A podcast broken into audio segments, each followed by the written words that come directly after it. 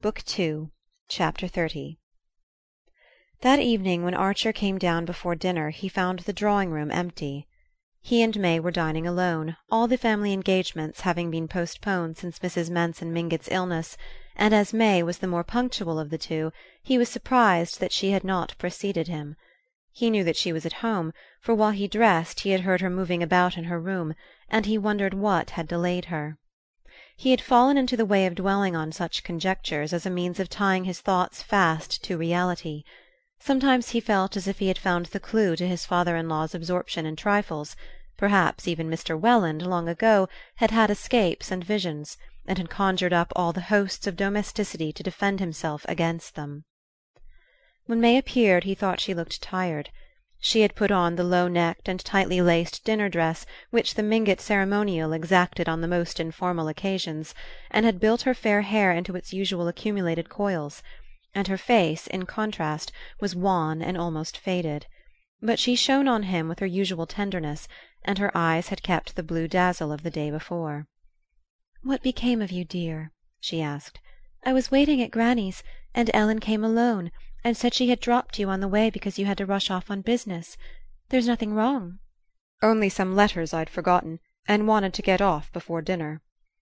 "Ah," she said; and a moment afterward: "I'm sorry you didn't come to granny's unless the letters were urgent."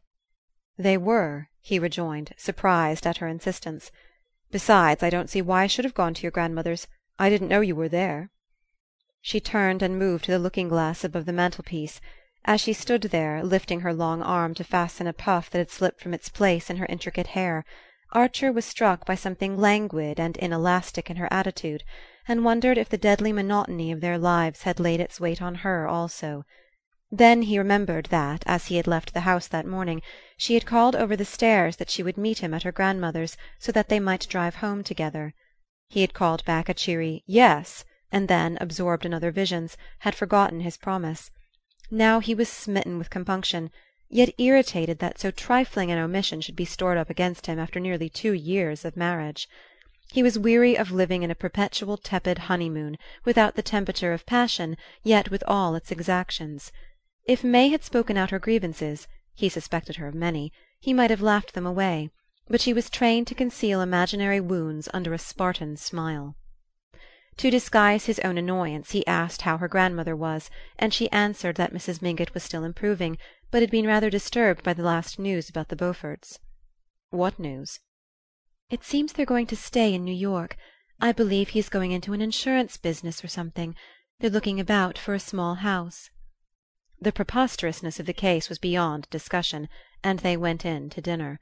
During dinner their talk moved in its usual limited circle but Archer noticed that his wife made no allusion to Madame Olenska, nor to old Catherine's reception of her. He was thankful for the fact, yet felt it to be vaguely ominous.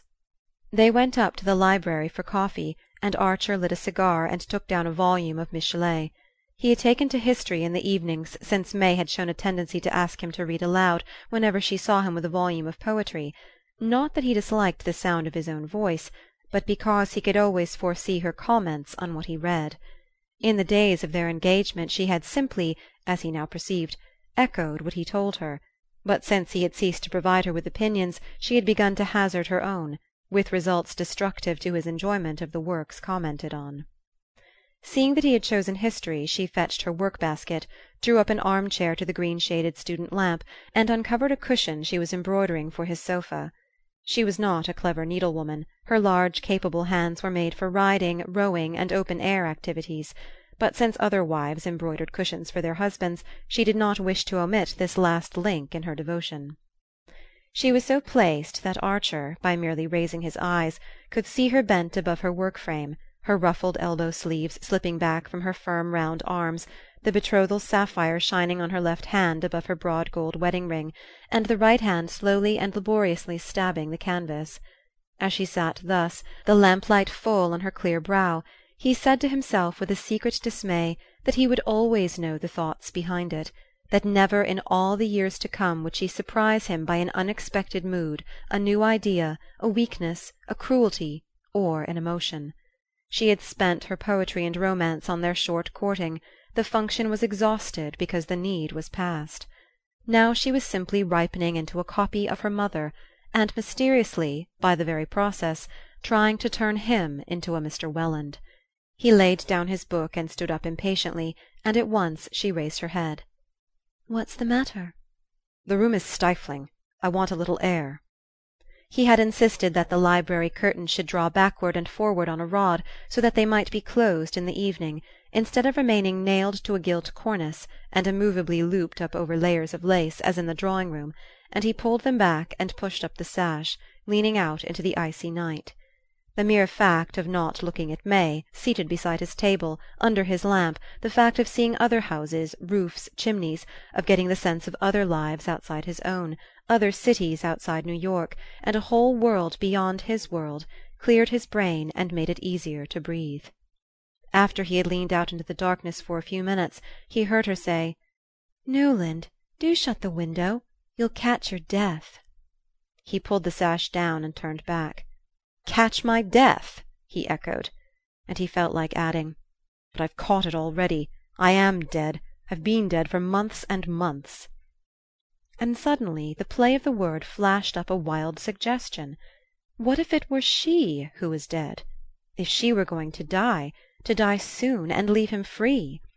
The sensation of standing there in that warm familiar room and looking at her and wishing her dead was so strange, so fascinating and overmastering that its enormity did not immediately strike him.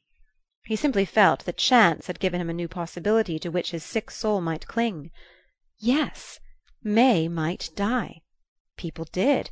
Young people, healthy like herself. She might die and set him suddenly free. She glanced up, and he saw by her widening eyes that there must be something strange in his own. "Newland, are you ill?" He shook his head and turned toward his armchair. She bent over her work frame, and as he passed he laid his hand on her hair. "Poor May," he said. "Poor? Why poor?" she echoed with a strained laugh. "Because I shall never be able to open a window without worrying you," he rejoined, laughing also. For a moment she was silent; then she said, very low, her head bowed over her work: "I shall never worry if you're happy." "Ah, my dear! And I shall never be happy unless I can open the windows." "In this weather?" she remonstrated; and with a sigh he buried his head in his book. Six or seven days passed. Archer heard nothing from Madame Olenska, and became aware that her name would not be mentioned in his presence by any member of the family. He did not try to see her; to do so while she was at old Catherine's guarded bedside would have been almost impossible. In the uncertainty of the situation he let himself drift conscious, somewhere below the surface of his thoughts, of a resolve which had come to him when he had leaned out from his library window into the icy night. The strength of that resolve made it easy to wait and make no sign. Then one day May told him that Mrs. Manson Mingott had asked to see him. There was nothing surprising in the request, for the old lady was steadily recovering, and she had always openly declared that she preferred Archer to any of her other grandsons in law. May gave the message with evident pleasure. She was proud of old Catherine's appreciation of her husband. There was a moment's pause, and then Archer felt it incumbent on him to say: "All right. Shall we go together this afternoon?" His wife's face brightened, but she instantly answered: "Oh, you'd much better go alone. It bores granny to see the same people too often." Archer's heart was beating violently when he rang old Mrs. Mingott's bell.